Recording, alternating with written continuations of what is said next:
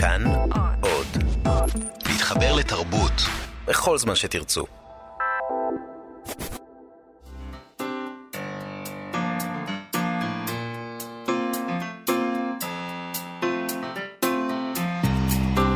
מה שכרוך עם שירי לב-ארי וענת שרון בלייס. שלום, שלום, שלום, מאזינות ומאזיני כאן תרבות 104.9, 105.3, שלום לטל אמירן, שלום לתמיר צוברי בצוות התוכנית, ושלום שירי. שלום ענת, אנחנו uh, כאן עם uh, תוכנית uh, ספרות, מהדורת סוף השבוע של מה שכרוך, ואנחנו גם עוד לפני זה עם הספרות הקדומה שלנו, עם פרשת וירא, yeah. שהיא עמוסה בכל כך הרבה נרטיבים משמעותיים שספוגים בתוך ה-DNA הרוחני שלנו. גם, את יודעת, אברהם... שש אל המלאכים, השליחים שמגיעים אליו, ואנחנו לומדים ממנו הכנסת אורחים, מהי זה שנים, וגם לומדים ממנו איך הוא עושה את המשא ומתן הזה עם אלוהים. כן, הוא, הוא מבשל, הוא גבר, מבשל. גבר מארח, זה גם כן כבר... אה, אחר כך הוא קצת מפשל עם אשתו, את יודעת, פעם שנייה, פרשה אחרי פרשה, הוא מוכר אותה ואומר, אמרי אחותי את, ולכי תדעי מה עובר עליה שם עם פרעה ועם אבימלך. אז זאת אחת הפרשות הקשות, והייתי אומרת המופרעות. אה, הורים אה, כמעט מקריבים את ילדיהם, לוט מוכן לתת את הבנות שלו להמון הזועם, העיקר שהם לא יפגעו לו באורחים, ממש שיאנסו אותם. גם הכנסת אורחים, אבל מסוג קצת מסוג יותר רדיקלי, כן. שרה פוקדת על אברהם לשלוח את הגר וישמעאל למדבר, שזה למוות, והוא אומר, אה, אה, אבל עושה את זה, והשיא, עקדת יצחק, ויש את הדקות האלה שאני כועסת על אברהם, ויש את הדקות האלה שאני מבינה את ההתפתחות המרתקת אה, בדמותו, שהיא רלוונטית, נראה לי, לכל אחד ואחת. בהתחלה יש לו קול. הוא אומר לאלוהים, אה, יאללה, בוא נעשה משא ומתן על מספר הצדיקים בסדום שתהרוג פחות. הוא אומר לו, אנוכי עפר ואפר, אבל אני מועיל לדבר אליך. הוא, אני מתווכח איתך. אחר כך יש קצת הידרדרות, כמו שאמרת, או הם הולכים שוב לאבימלך מלך גרר, הוא שוב מפחד שירצחו אותו בגלל יופייה של שרה ומשקר בזהותו. Uh, כששרה מבקשת ממנו לגרש את ישמעאל, שהוא בנו בכורו, הוא לא מתווכח איתה. ואז כשמגיע מעמד העקדה, כשאלוהים מבקש ממנו שיעקוד את בנו, הוא אומר מילה אחת, הנני. וזהו. אין שאלות, אין התנגדות, אבל הנני. אבל יש גם המון עוצמה במילה הנני. נכון. זה גם, זה גם מילה אחת, אבל זה גם, את יודעת, אדם, הראשון, כשאלוהים שאל אותו אייכה, כן. אז הוא לא ענה, והוא התחבא, ואחר כך אמר לו, אני הייתי עירום, ואחבא, והתבייש. תירוצים, תירוצים. אברהם אומר, הנה אני. אני? ואני חושבת על זה, אתמול אה, יצא לי לדבר עם הסופר דרור משעני, שהוא סופר אה, ספרי בלשים, ועשינו קריאה אה, בלשית של הסיפור הזה, שיש בו בעצם כמעט, פעמיים כמעט רצח, גם של ישמעאל בתור ילד, נער, וגם אחר כך של יצחק. והקריאה הייתה גם בלשית, אבל קצת פסיכולוגית. כי אם אלוהים מתאכזר לאברהם בעצם הבקשה האיומה והנוראה הזו, כן, להקריב את בנו יחידו, אחר כך אברהם, אין לו שום בעיה לשחזר את הדפוס הזה ולהתאכזר ליצחק. זה מין... שכפול של, ה, אה, של הדפוס הזה, של האבא והבן, היחסים ה, הכל כך טעונים האלה, והכל כך מסוכנים לפעמים של אבא ובן, ובכלל, אלימות שת... בתוך המשפחה, אנחנו שומעים על זה, קוראים על זה בעיתונים, תמיד אנחנו חושבים שהתא המשפחתי זה המרחב המוגן, אנחנו, טוב שאנחנו חושבים את זה, וטוב שאנחנו שואפים לכך שהוא יהיה המרחב המוגן. כנראה הכי פחות מוגן. ולפעמים גם דברים, סדקים איומים ונוראים קורים בתוך התא המשפחתי, ואנחנו רואים את זה ממש בטקסטים הראשונים שלנו. אה, העבריים. קין והבל, אדם וחווה. זה, זה הרומנים, הרומנים המשפחתיים הראשונים שלנו, אבל אותי זה ממש תמיד מעניין. אני כך אוהבת ללכת אל החומר, אל המילים, ולראות את הפרשה שנפתחת עם אנוכי, עפר ואפר, ומסתיימת עם הנני. הנני זה אני עומד מולך, אתה מבקש ממני את הבקשה הבלתי אפשרית הזאת, והנני, ואחר כך הוא גם אומר את זה ליצחק, שיצחק מתחיל לשאול שאלות, אבא, אבא, מה קורה פה? והוא אומר לו, הנני. הוא אומר את זה גם לאלוהים, גם ליצחק. יש פה איזה אדם, אה, כמו שאמרת קודם, שלא מתחבא, הוא עומד, שלם עם עצמו. אחר כך הוא ויצחק, אגב, לא ידברו יותר. יצחק יהפוך להיות, אני חושבת, הדמות הפסיבית ביותר מהטראומה הזאת. בכלל לא יהיה לו קול בהמשך, והוא ויצחק לא מדברים. אה, כן, והשאלה מכאן... איפה הייתה שרה בכל הסיפור הזה, והמדרש אומר בכלל ששרה, כאשר שמעה מה שקרה, יצאה זעקה מפיה והיא מתה. מתה, אבל זה כבר בפרקים הבאים, כמו שאומרים. שלום, אילי מלצר. שלום, שלום. ואתה המו"ל של אה, ספרי עליית הגג. אתם פרסמתם ספר נורא נורא נחמד, שנקרא אחד על אחד, 101 פגישות שהיו באמת של אה, סאטיריקן בריטי, שמו קרייג בראון, והוא עושה פה עבודה נורא חמודה. הוא בעצם לוקח 101 פגישות של אנשים אמיתיים, פגישות שהיו באמת, שתועדו בכל מיני מקומות, ביומנים, בספרים, בעיתונים, נכון. בין אנשים מאוד מפורסמים, והוא משרשר אותם. כלומר, אה, אחד פוגש את השני והוא ממש מצליח להשלים אה, סיבוב בסוף. זאת אומרת, אה, ננסי רייגן מסתקרנת מפרצופו של מייקל ג'קסון, ותוהה למה הוא לא מסיר את משקפי השמש שלו, ואחר כך ג'קסון פוגש את מדונה, ומדונה פוגשת את מרתה גרם. אני קצת... זה, זה לא מסודר בסדר כרונולוגי, זה פשוט לא. מסודר בסדר ה, נכון. הפגישות. נכון. האנשים שפוגשים זה את זה, ו... המעניין הוא שפתחתם אותו דווקא עם היטלר, את הספר הזה, איך הברון הבריטי אה, ג'ון סקוט אליס, ביום הראשון שהוא עולה על ההגה, כשהוא במינכן לומד שם שפה, אני חושבת שפה גרמנית, נכון. דורס הולכי רגל, אחד מהם היה אדולף היטלר. הוא היחיד שהוא דרס, לא, רק כן, לא, כן. כן. אבל כן. היטלר ניצל מהסיפור הזה, והוא אומר, כותב אחר כך, שיכול היה, אם באמת היה משלים את תאונת הדרכים, לשנות את ההיסטוריה. אז למה, למה הספר הזה לדעתך נפתח עם היטלר? לדעתי הוא נפתח עם היטלר כדי לסגור אותו עם היטלר. אה, למה היטלר? טוב, מתחילים בבום. אומרים שצריך להתחיל אה, הכי חזק שאפשר, אז, אה, ואז להגביל. מאלץ אותנו להיכנס כן, לספר הזה. כן, אז מתחילים בבום. האמת ש... יש משהו נורא מצחיק שהוא מתאר מי זה השני, מי זה הג'ון סקוט אליס, ש... מה, מה, במק... מה מעמדו, מה הוא. אז הוא פשוט בחור אה, שפשוט, ירש כסף. שפשוט נולד טוב, ואז הוא מתאר שלמשפחה שלו, יש לה כמה חוות בקניה, ויש לה אה, כמה מאות דונמים במרכז לונדון, ויש לה אי מול אירלנד, ויש לה גם חלקים נרחבים מצפון אמריקה. אז מה אתם רוצים שהג'ון סקוט אליס הזה יעשה? שילך אה, לעבוד? הוא הולך ללמוד גרמנית. ו... שהוא ילך, ברג... ילך ברגל, יש לו רכב, כן, אז הוא קונה אוטו, וביום הראשון שהוא עולה על האוטו והוא לא כל כך יודע לנהוג, הוא דורס את היטלר. שעדיין הוא לא ראש הממשלה, אבל הוא כבר... דמות ידועה. עדיין הוא לא הקאנזר, אבל הוא ממש, זה בשנת 32, אני חושב. כמה שנים אחר כך הוא פוגש אותו באולם האופרה, נכון, והיטלר זוכר את האירוע הזה. היטלר זוכר ומתנהג אליו מאוד יפה, אבל... מה שנקרא כן. מכה קלה בכנף. מכה קלה בכנף, הוא, הוא התגבר, היטלר התגבר, נכון, שניהם התגברו על זה. אז מה שאותנו מעניין במסגרת התוכנית ספרות זה באמת אה, שלל פגישות שיש כאן של סופרים וסופרות. אה, אחת הפגישות המשעשעות זה אלן גינסברג, שבדיוק אה, חוזר מלוויה של אה, חברו ג'ק ראווק, שנפטר, והוא פוגש את פטי, פטי סמית שחשקה בכריך, הם נפגשים ליד איזה מכונת סנדוויצ'ים. פטי סמית יודעת שזה עולה 55 סנט, היא מוצאת ככה בבית שם בקערה. מכניסה... לא, לא בבית, בצ'לסי הוטל, בצ'לסי שהוא הוטל. אתר התרחשות של, של כמה פגישות uh, נחמדות. מכניסה לחריץ ולא יוצא סנדוויץ'. ואז היא רואה את הפתק, שזה 65 סנט. מסתובבת אחורה, מאחוריה עומד אה, מישהו מדובלל עם זקן שמדקלם שירים לא מובנים. היא מבינה שזה אלן גינזברג, היא מזהה אותו, הוא לא מזהה אותה. אותו מחבר יללה שכבר הפך להיות מפורסם וגם uh, הפך uh, להיות עוד יותר מפורסם אחרי המשפט. הוא נותן לה עשרה סנט והם מתיישבים לאכול ביחד. Uh, ויש ו... בעיה. כן. והיא נוגסת בכריך, ואז הוא אומר לה, תגידי, את בחורה? כי באמת יש לה תווים כאלה קצת מתעתעים. היא אומרת לו, כן, זאת בעיה. גסברג צוחק, סליחה, הייתי בטוח שאת בחור יפה מאוד. פטי חשה שמתחוללת כאן אי-הבנה, אז זה אומר שאני צריכה להחזיר לך את הכריך? לא, הוא אומר לגינסברג, תהני, טעות שלי. וכאן מתחילה ידידות uh, מופלאה, כמו שאומרים, שעתידה להימשך כל החיים, והם נפגשים uh, מעת לעת ליד מכונת הסנדוויצ'ים. ויום אחד גינסברג שואל אותה, איך את תתארי בעתיד את האופן שנפגשנו בו? והיא אומרת לו, שהזנת אותי כשהייתי רעבה. יפה, לא? כן. אז הנה, כל מיני מפגשים uh, מקריים וכמעט שטותיים על איזה חתיכת סנדוויץ' שמוכן ממכונה, הופכים להיות, uh, נותנים השראה אחד לשני. היא נותנת לו השראה, הוא נותן לה השראה, דור הביט. נכון. והיא באמת ו... אחת הרוקיסטיות הבועטות שיש.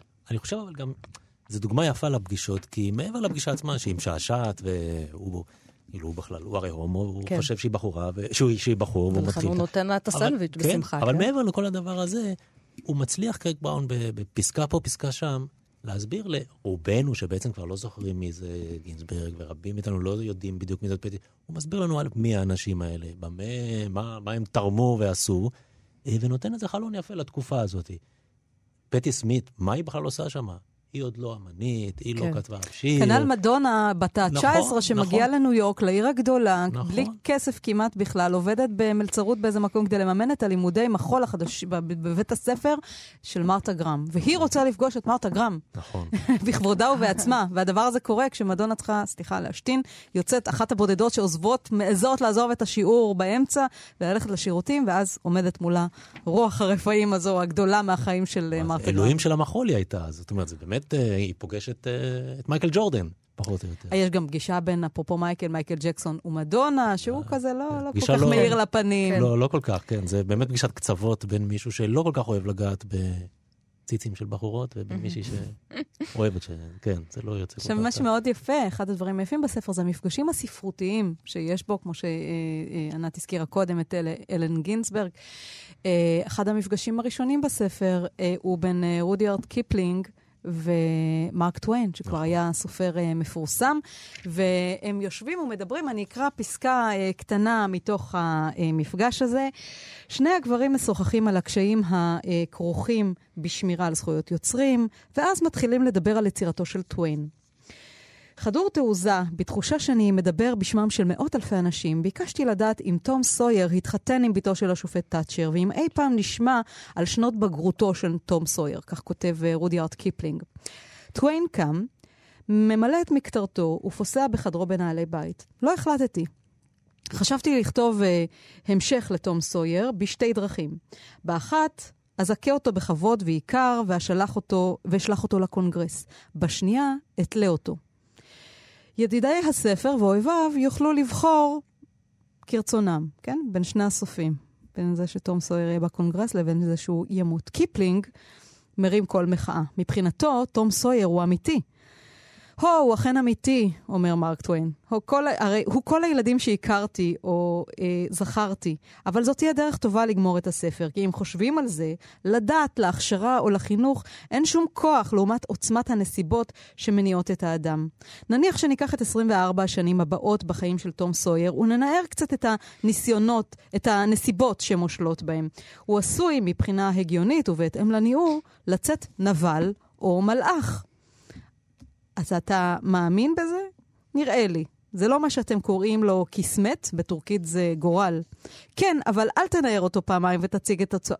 את התוצאה בפנינו, כי הוא כבר לא שייך לך, הוא שייך לנו, אומר רודיארד קיפלינג על תום סויר נכון, למרק טוויין. למרק טוויין. הגיבור שלך שייך כבר נכון, לנו, והוא כל. כך מזועזע מזה שהוא מתכנן להרוג אותו. נכון. אני רוצה להגיד שני דברים על uh, מרק טוויין. קודם כל, היום כולם נורא מתרגשים מהעניין הזה שמפיקים כל מיני סדרות שאנחנו נבחר את הסוף שלהם. הוא חשב על זה כבר לפני קצת יותר ממאה שנה.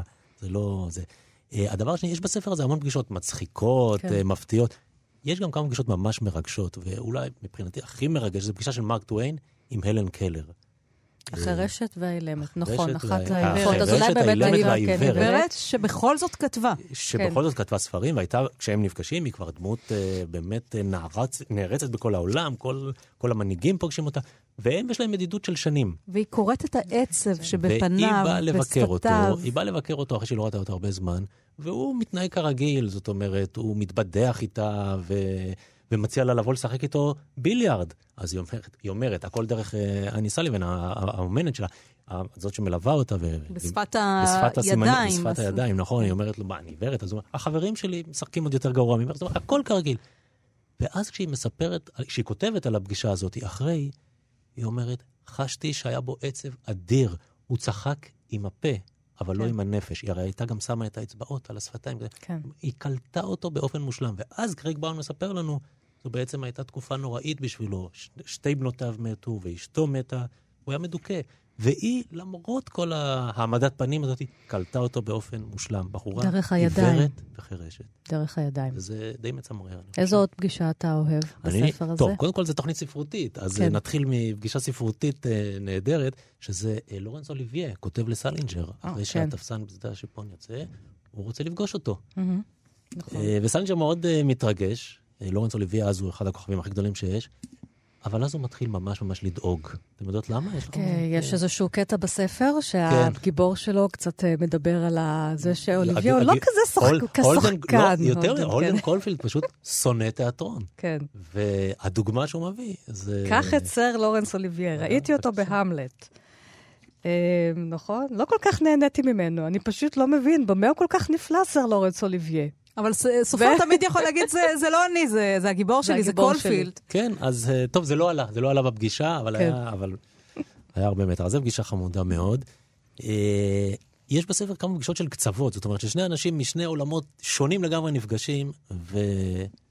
ו... ויוצאים פה, ויוצאים דברים חמודים. למשל. יש, למשל, אה, ברטרנד ראסל ושרה מיילס. ברטרנד ראסל, האינטלקטואל אולי כן. הכי גדול של המאה ה-20, ושרה מיילס הייתה כוכבת קולנוע בשנות ה-50 וה-60. אה, אז היא עשתה סרט והפכה לסיפור הצלחה, וכמו שהיא מעידה על עצמה, פשוט כי היה לי גוף נהדר, והיא קונה דירה בשכונה מאוד יוקרתית בלונדון. ויש לה כלב ענק, וכשהיא לא בבית, אז הכלב בחוץ. והשכנים, מה, אתם, אתם יודעים, הבריטים, מה, כן. הבריטים המעונבים מה, מה, מהמעלה העליונה, מאוד לא אוהבים את זה. היא חוזרת יום אחד הביתה, והכלב יושב על גרם המדרגות ליד איש זקן. והאיש הזקן והיא מתחילים לדבר, והוא מזמין אותה אליו מחר לתה של אחר הצהריים וכריכים. אז הם נפגשים למחרת אחר הצהריים, והוא מכין לה כריכים בטקס מאוד רציני, ואז הם מתיישבים לאכול את הכריכים, הוא יושב לידה, זה קצת לפני עידן המיטו, שנות ה-60, וכמו שהיא מעידה, הוא מעשה לה את הברך בשצף קצף, למרות שהוא כבר מעל גיל 90. הבחור הזה זה ברטנד ראסל. והיא אין לה מושג מי זה, והוא אין לה מושג מי היא. אבל היא יפה, והוא... אה, והוא מכין, פילוסוף. והוא מכין סנדוויצ'ים טובים ויודע, ל... ויודע לשוחח. למחרת הם נפגשים, והיא אומרת לו, ועוד פעם הטקס הזה חוזר, כולל העיסויים, היא אומרת לו, תשמע, אני אצטרך כנראה לעבור דירה. הוא אומר לה, מה, זה לא יעלה על הדעת. היא אומרת לו, תשמע, שכנים אה, לא מוכנים שהכלב יסתובב פה. אז הוא מעלה את ידו במעלה הירך שלה, ואומר, אין לך מה לדאוג, אף אחד לא ידבר איתך יותר על הכלב. ואכן זה מה שהיה.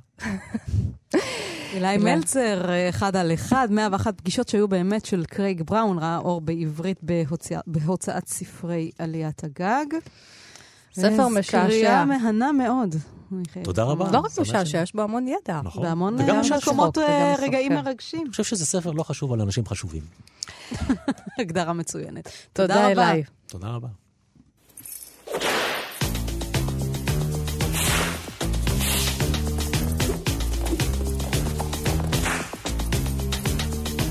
ואנחנו עם uh, ספרות ילדים. כנס הפנקס לספרות ילדים מתקיים ביום חמישי הבא, ובו תקבל סופרת ומשוררת הילדים מיריק שניר עיטור חגיגי על תרומתה לספרות הילדים העברית. שלום, מירי כאן אצלנו באולפן, מה שלומך? Uh, והנה המיקרופון שלך. היא הולכת לאיבוד בכל, בין כל הספרים שהביאה לנו כאן. מיריק, את uh, נולדת uh, בכפר גלעדי, את uh, מתגוררת היום במושב חיבת ציון. היית הרבה שנים גם מורה ומחנכת, והתחלת לחבר את סיפורי הילדים שלך, ככה לילדים, לחניכים. אה, וב-1982 פרסמת את הספר הראשון שלך שנקרא גלגלים. מאז חיברת באמת המון ספרים לפעוטות ולגיל הרך. אה, מרים והים, אה, גלגלים, כמו שאמרנו, יש לי שיר, שזו סדרה של עשרה ספרונים מולחנים, ספרייה קטנה שלי, גם עוד סיפורים מחורזים לילדים. וגם ו... תרגמת, אנחנו תכף נדבר גם על התרגומים שלך. וחתול שמחה. קטן מתוק. אה? לא לשכוח, נכון, סליחה. נכון, ענת אוהבת כן, חתולים, אז כל מה שקשור בחתולים. אם יש ספר על חתולים, מיד יש לו במה בתוכנית. יש ספר גם על מוות לילדים, כן. שזה אז, חשוב. אז אולי תספרי ככה באופן כללי, מה זאת כתיבה לילדים בשבילך? מה את רוצה להנחיל להם דרך השירים והסיפורים? תראה, אני רוצה בעצם ללוות אותם במסע שהם עושים. עם הסיפורים, עם השירים, עם השפה. ואני מנסה באמת את מה שאני כותבת אה, להתאים אליהם. זה, לא התחלתי מכך שהחלטתי להיות סופרת ילדים. התחלתי מכך שליוויתי ילדים קטנים, גם בביתי, יש לי תשעה רק. רק, משלי. בלבד. כן, כל הכבוד. וכבר המון נכדים. ועבדתי באמת בחינוך וגם בחינוך המיוחד מגיל רך מאוד והלאה. ועקבתי אחרי ילדים וראיתי את המסע האורייני, המסע השפתי שהם עושים. כי באמת אצלך יש תפיסה אוריינית בכתיבה לילדים. את רואה בהם, את רואה בזה משהו שבעצם עוזר להם לקלוט את השפה, את הקריאה, את הכתיבה, את האומנות הזאת של קריאה וכתיבה. הכי חשוב להגיד שזה עוזר להם במסע שהם התחילו בו. והם התחילו במסע, מלבד המסע שהוא גלוי לכל עין ולכל אוזן, אפילו נכון להגיד, המסע השפתי שלהם, שהם לומדים להבין את השפה ולדבר אותה, אז הם מתחילים עוד שפה, עוד מסע, שהוא מסע לא גלוי, ולא כל כך ידוע לנו, וזה המסע לקרוא ספרים. הם מסתכלים מסביבם, מרגע שהם נולדים. מה אנחנו עושים? מה שאנחנו. עושים נראה להם חיוני, קיומי, והם חייבים לדעת את זה. אז אם אנחנו עושים ככה, כן, תנועת גלילה, כמו שעושים עם זה. על המחשב, את עושה, כן. אז זה הדבר הראשון שהם יעשו. אבל אם הם רואים את זה... אני זוכרת שהילד שלי נולד, אני פשוט התחלתי לקרוא לו ספרי ילדים. היה לי ברור שהוא לא מבין, אבל כל ערב ישבתי לפני השינה, השינה, זאת אומרת, סוג של שינה של כמה שעות, וקראתי לו ספרים, ספרי ילדים כמובן. לפעמים. שיניתי או קצת אמרתי, אבל אמרתי כל הזמן, כן. האקט הזה של הקריאה. הטקס, זאת אומרת שהוא, הטקס, הזה, שזה משהו יחלחל אליו מתוך נכון, הדבר הזה. נכון.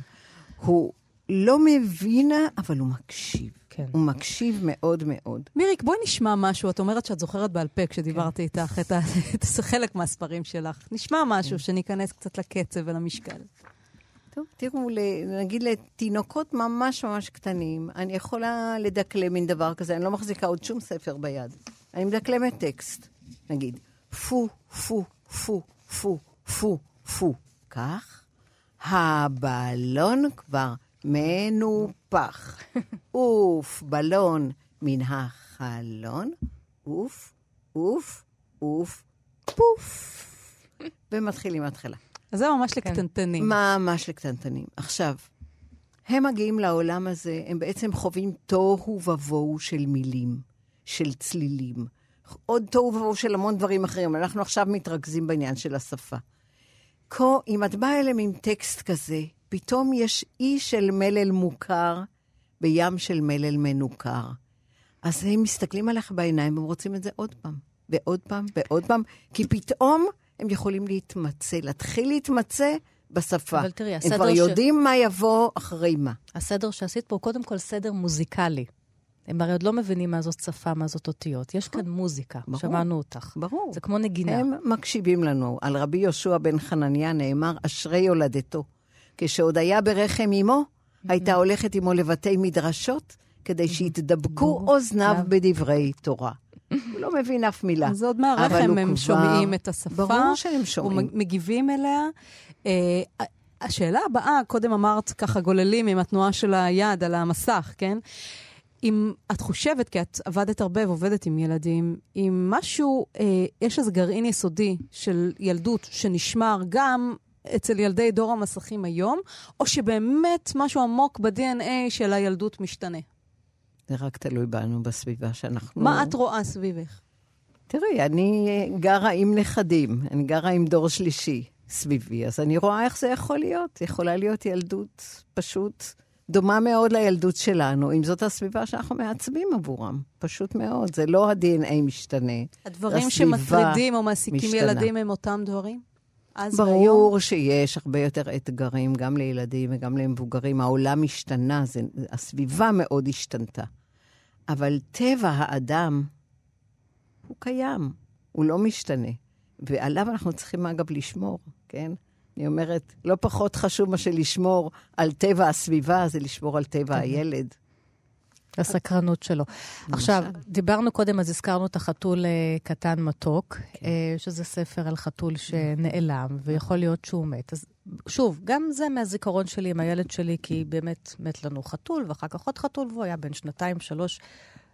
לא רציתי להביא לו את המילה הזאת. הוא גם לא מבין אותה, ואין לי שום יכולת לתווך לו אותה בגיל כל כך צעיר. אז uh, היו לנו כדורים פרוחים, אני גרה בעמק יזרעאל ותמיד יש שם כדורים פרוחים נכון. בשדות, אז אמרתי לו שהם הלכו לטייל בכדור, בכדור פורח. באיזה גיל אפשר לתווך להם, לכתוב להם? כי פה יש אצלך את המילה מוות. מההתחלה. מההתחלה. מההתחלה, לא לפחד מהמילה. עוד מהרחם, את אומרת. את יודעת, כן, ילד, אחד, אז... ילד אחד ראה חיפושית כן. מונח בבית, ככה, mm-hmm. על הגב. אז הוא אומר לאימא, אימא, הנה חיפושית מתה. אז היא אומרת לו, אל תדאג, עוד מעט אני מטאטא אותה החוצה. אז הוא אומר, אל תטאטי אותה חזק, שהיא לא תמות עוד יותר. אז כן. מוות בשבילם זה לא מוות בשבילך, את לא צריכה לתווך כלום, את צריכה להיות איתו, לא להשאיר אותו לבד עם זה. רובנו משאירים את הילדים לבד עם המוות, כי אנחנו לא יודעים מה לעשות איתו. מירי, אמרת את לא יודעת איך על... לדבר על הילד כן. הקטן והרך הזה, עם ה... את שבאמת... צריכה להיות שזה לא רק איתו בספר, בחוויה החתול, כן, שלו. החתול נעלם באמת. בחוויה שלו, להיות איתו, לשמוע מה הוא אומר, ומשם ללוות אותו. לא מהמוות שלך, כן. מהמוות מוות. שהוא חווה. את מדברת על לשמור על טבע האדם. יש איזה ספר שלך ש... שיקר לליבך במיוחד, שאת מרגישה שאיתו את שומרת על טבע האדם, טבע הילד? את יודעת, יום אחד קיבלתי טלפון מאיזה מורה, היא אמרה שהיא נמצאת ב- בהשתלמות במכללת אחווה, והיא שאלה אם יש משהו משותף לכל הספרים שלך. אמרתי לה, אני מעולם לא חשבתי על זה, והיא התעקשה שאני אגיד משהו, אז אמרתי לה, אולי חנוך לנער על פי דרכו. ואז היא נורא התרגשה, והיא אמרה לי, אנחנו פה 20 משתלמות, קיבלנו 20 ספרים, קראנו בהם, ונדרשנו למצוא את המכנה המשותף, וזה מה שמצאנו. אז זה נמצא כנראה בכל הספרים, כי זה משהו שחונכתי עליו ושאני מאמינה בו. אז כמעט כל uh, ספר שאני אקח, כן, הוא, הוא יעסוק בזה. Uh, יש עכבר בבית. יש עכבר בבית, זה ספר שמספר על המאבק ה... שנמצא בכל בית, בין טבע לבין תרבות. כשהילד הוא יציר הטבע, וגם העכבר, כן? הילד הרבה יותר קרוב לעכבר בתכונותיו בגיל הזה, מאשר למבוגרים. ויש שם לא רק מפגש, אלא גם התנגשות בכל בית, כן, בין כי הילד טבע. הרי ירצה לשחק עם העכבר. ולשמור עליו, וכש- ושלא יסלקו אותו, נכון, יהרגו אותו בדיוק, חלילה. וכשאנחנו רודפים אחרי העכבר בבית, הוא לטובת העכבר. נכון. זה ברור. עכשיו, מירי, כי אנחנו מדברים על התפיסה החינוכית, איך משלבים בכתיבה יצירתית מצד אחד ערכים חינוכיים, ומצד שני שהכתיבה תהיה חופשית, לא צייתנית, לא תמיד ממושמעת, כי הרבה מספרי הילדים שאנחנו הכי אוהבים הם ספרים פרועים. תראה, אני יוצאת מהעולם של הילד, אני לא באה לספר לא עם נושא שהחלטתי לכתוב עליו, ולא עם אג'נדה שהחלטתי לכתוב עליה. אני מתנגדת, למרות שהרבה פעמים פנו אליי, תכתבי על זה, תכתבי על זה. זה לא יכול להיות. אני באה מאיזשהו אירוע, מאיזשהו גרעין סיפורי שהתרחש סביבי עם הילדים, משם אני יוצאת, ואם זה יעשה כראוי, אז האג'נדה החינוכית כבר תהיה שם בפנים. ואני אגלה אותה אפילו, אחרי שכתבתי את זה עשרות שנים אחרי זה. או שכמו אני בפרשת, אגלה יותר כן, ויותר. או שכמו בפרשת השבוע, הילד יקרא ויגלה אג'נדה שלא התכוונת אליה, שזה גם טוב. ברור. אז מיריק שניר, פרס uh, בכנס הפנקס, שזה uh, כאילו הכנס החשוב לספרות uh, ילדים, פרס באמת על מפעל חיים, על כל הכתיבה שלך לפעוטות, לילדים, והמילים היפות שלך, וגם המוזיקה בין האותיות. כן. תודה רבה לך. תודה לכם. הכנס מתקיים בשבוע הבא, כן? בחמישי הבא, ב-1 בנובמבר. עוד שבוע. תודה, מיריק. תודה לכם.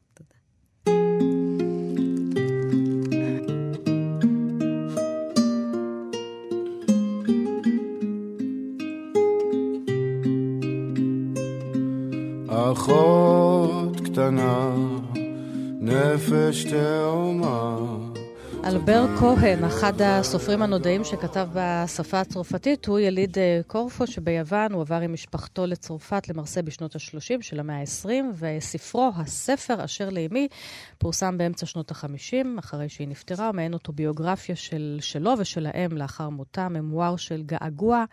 המון אשמה וחרטה של אדם שבחר להתרחק ממנה, חי בז'נבה, עסק באומנות וגם בסיוע לפליטים, אה, גם דרך הסוכנות היהודית, ולמעשה הותיר אותה בבדידות. בדידות אה, לא פשוטה של בדידות, אלא בדידות כפולה, כי היא הייתה אדם, אישה מהגרת, אה, והיא נפטרה בימי מלחמת העולם השנייה בצרפת הכבושה כשהיא לבדה.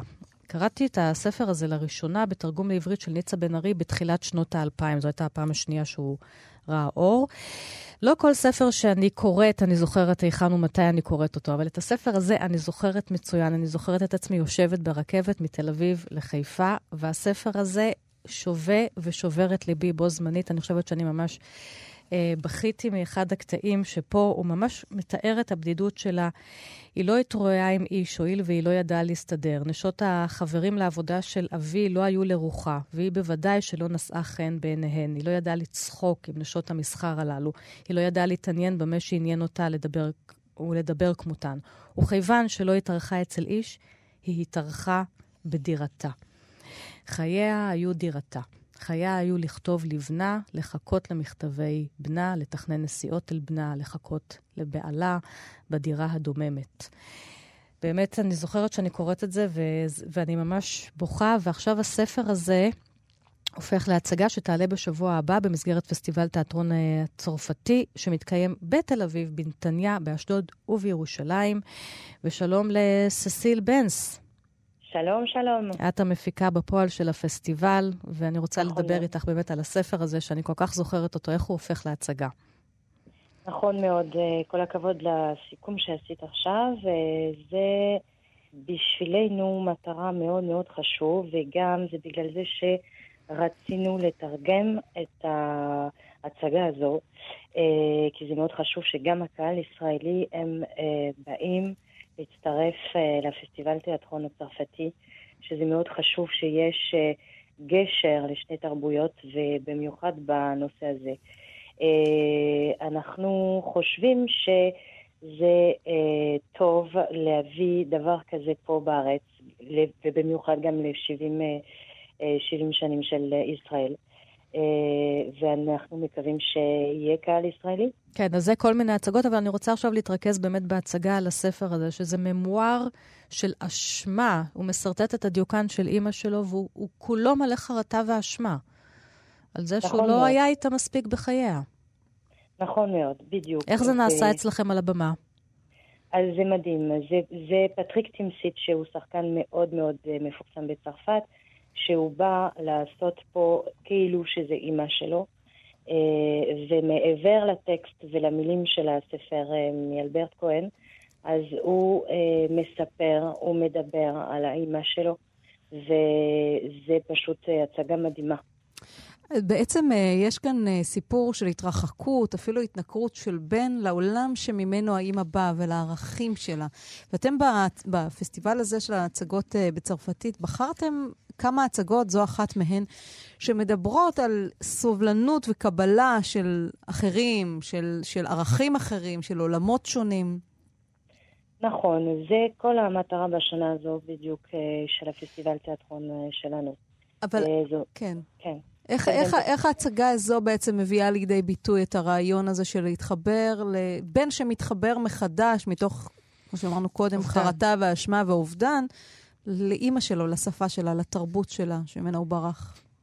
נכון, זה כל העניין של הבימוי, כאילו, שהם עשו, אה, שהם עשו במיוחד ב, ב, במחזור הזה של אה, אלברט כהן, אז אה, מהספר בטח.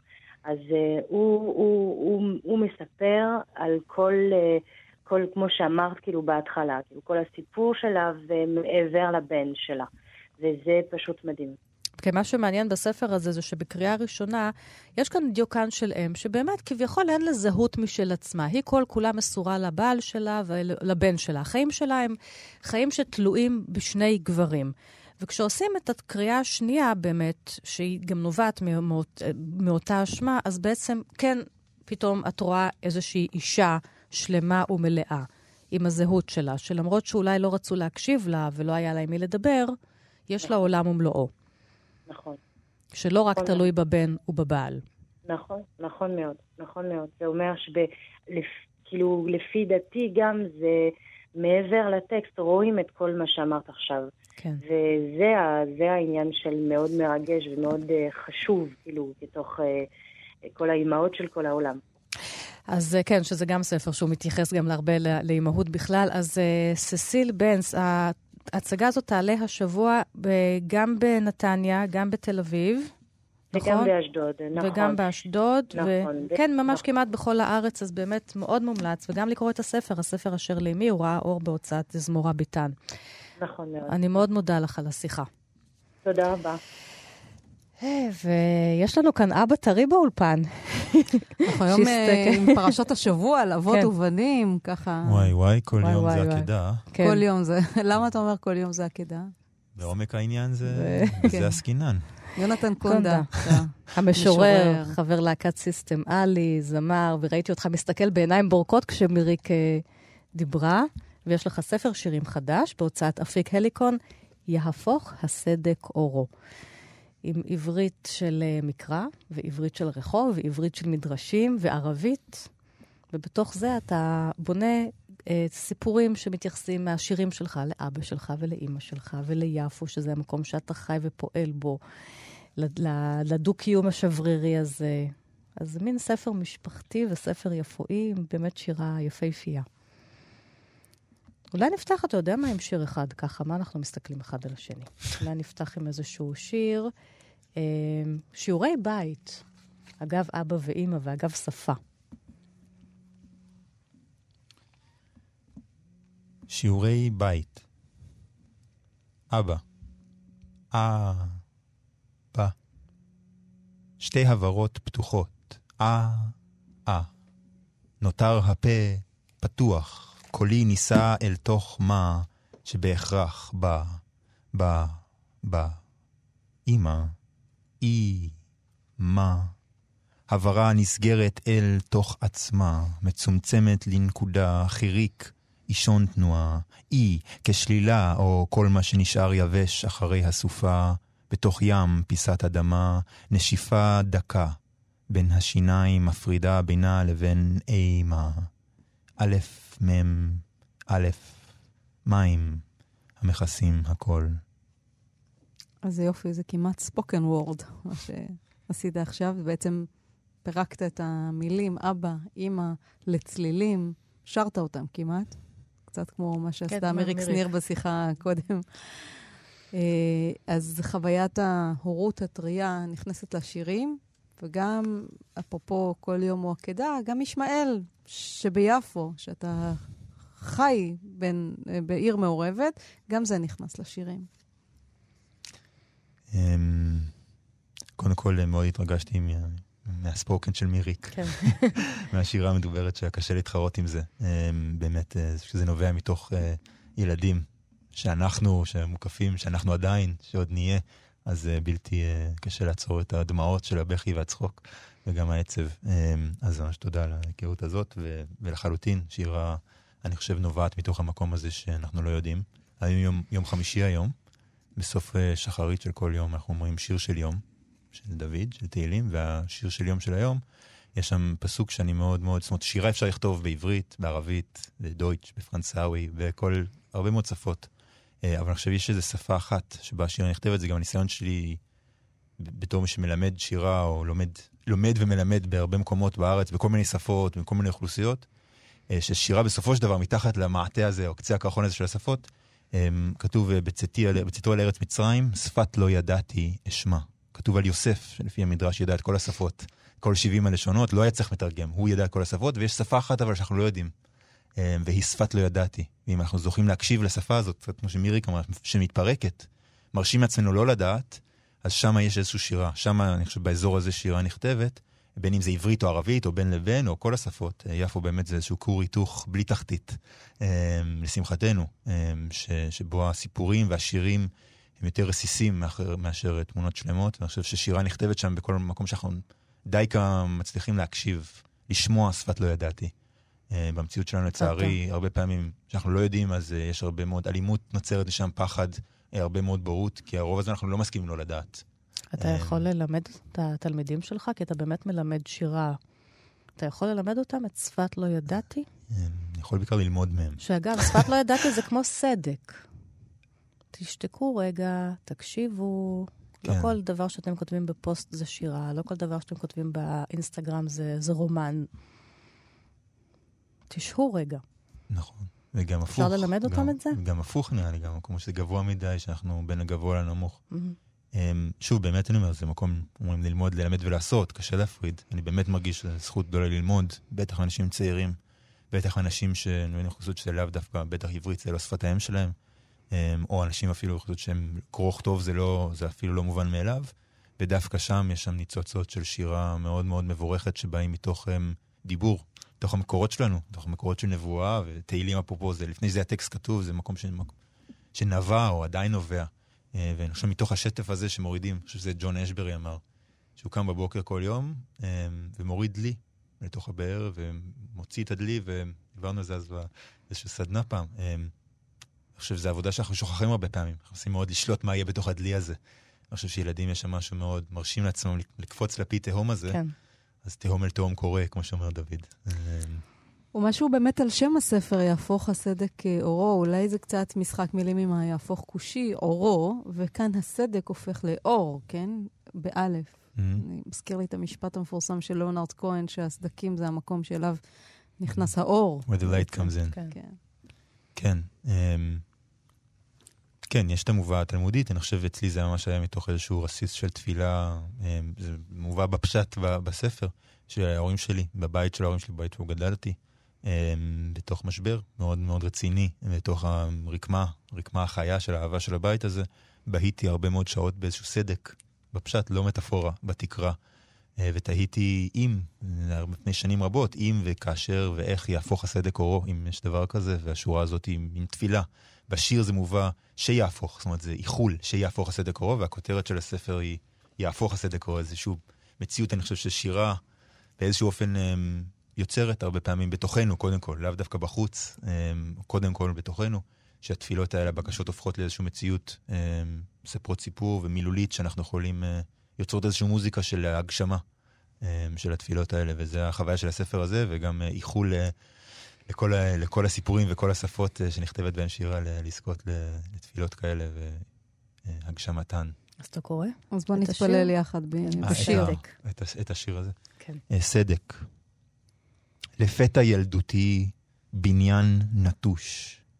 הזיכרון כמו חברת קבלן סוחרת חבלן להניח את הזמן כחומר נפץ ליד היסודות בהתאם לתוכנית האב.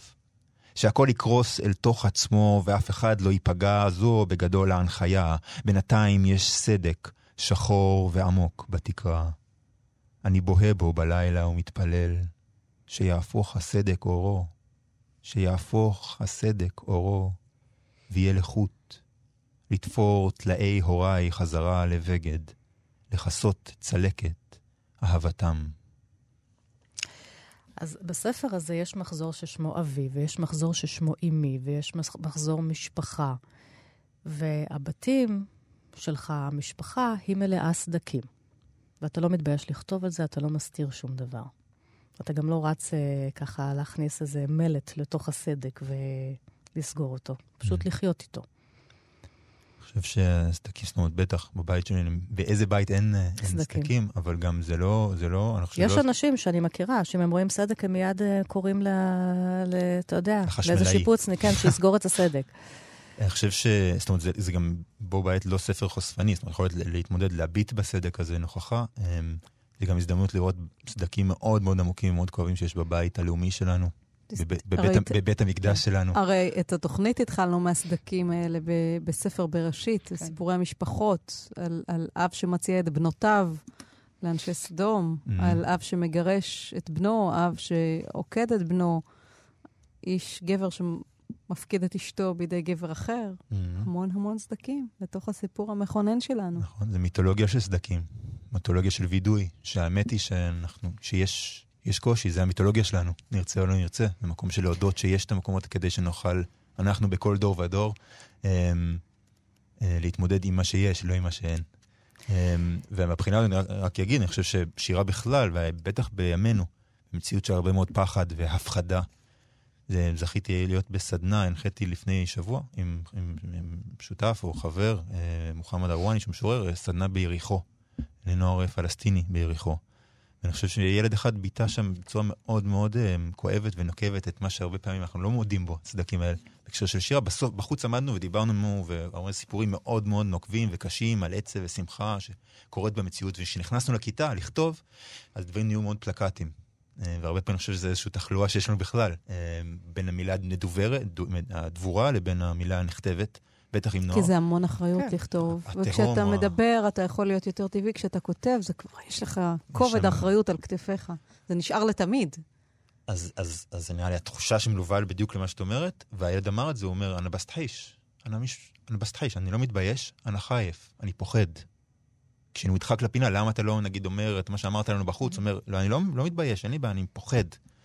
ומי שחי תחת משטר צבאי, הפחד זה יכול להיות מאוד קונקרטי, אבל אני חושב שהדבר הזה גם נכון לכל בטוח כל האוכלוסיות שעובדות בכל הקצוות של החברה, המקום הזה של להוריד דברים לדף, את הסדקים האלה, לתת להם מקום גשמי, שחור על לבן, אמ, מקום מאוד מאוד מפחיד וגם מאוד מאוד מופחד, זאת אומרת, היכולת לעמוד מאחורי הדברים שלנו הולכת ופוחתת. ואתה עושה, אתה עושה את העבודה הזאת בסיסטם-אלי עם הלהקה בעצם על בסיס uh, קבוע. זאת אומרת, המקום הזה של להוציא את הדברים, לשתף פעולה, למוסס את הפחדים, זה להקה שמורכבת מאנשים גם יהודים, גם ערבים, גם ישראלים ותיקים, עולים mm-hmm. חדשים.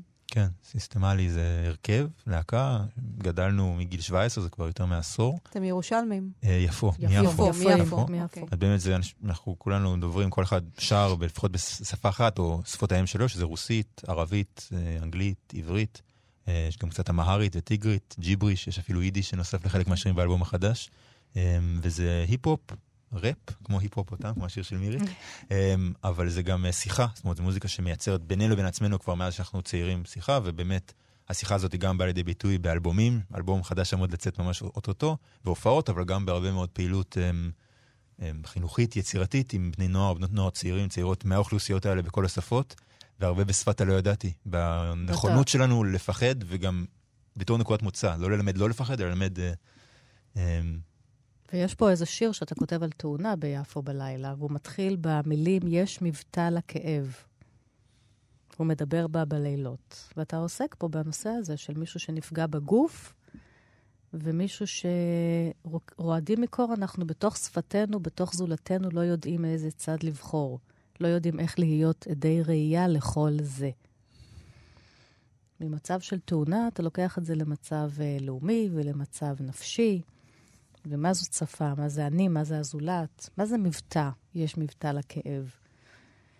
אמ, קודם כל, באמת תאונה שקרתה. כן. אני מקווה, מאחל עדיין אה, בריאות שלמה לאופנוען ש...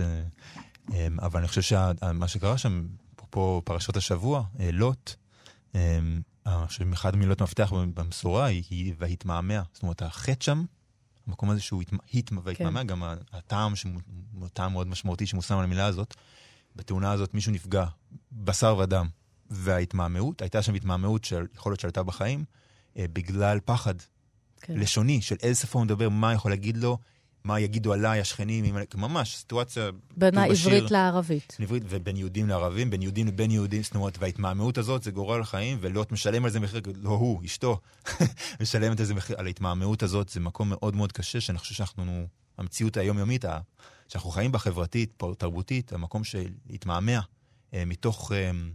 אה, פחד. פחד. אמ, זה לא אומר לא לפעול מתוך פחד, זה אומר לפעול מתוך פחד, ולא להתמהמה. ההתמהמהות הזאת, יש לה תג מחיר. זאת אומרת, אתה מפחד, אבל אתה בכל זאת תעשה. כן. ונסגור uh, קצת צדקים עם שירים, לא עם מלט. יונתן קונדה, ספר שירים חדש בהוצאת אפיק הליקון, יהפוך סדק. הסדק, uh, אורו. Uh, יש לך שיר פה, קאובוי, לפני שהלכת, עשיתי עצמי ישן, וידעתי, אתה עוד עומד בסלון, מביט בי חרישי, אקדח חייך לרקתי. וזה במחזור אבי. תודה, יונתן קונדה. אנחנו נסיים שיר שבחרת, של אהוד בנאי. אמ, לא שלו, של... אה, כן, פיוט שהוא מבצע. שהוא מוקדש לאשתי, טלילה, ולבני עמנואל יעקב. שיר שליווה אותנו בהיריון ובלידה, ועכשיו בחיים. תודה לך, תמיר צוברי, ותודה לליטל אמירן, תודה שירי לב-ארי. ענת שרון בלייס, שבת שלום לכם המאזינים. להתראות. Adesha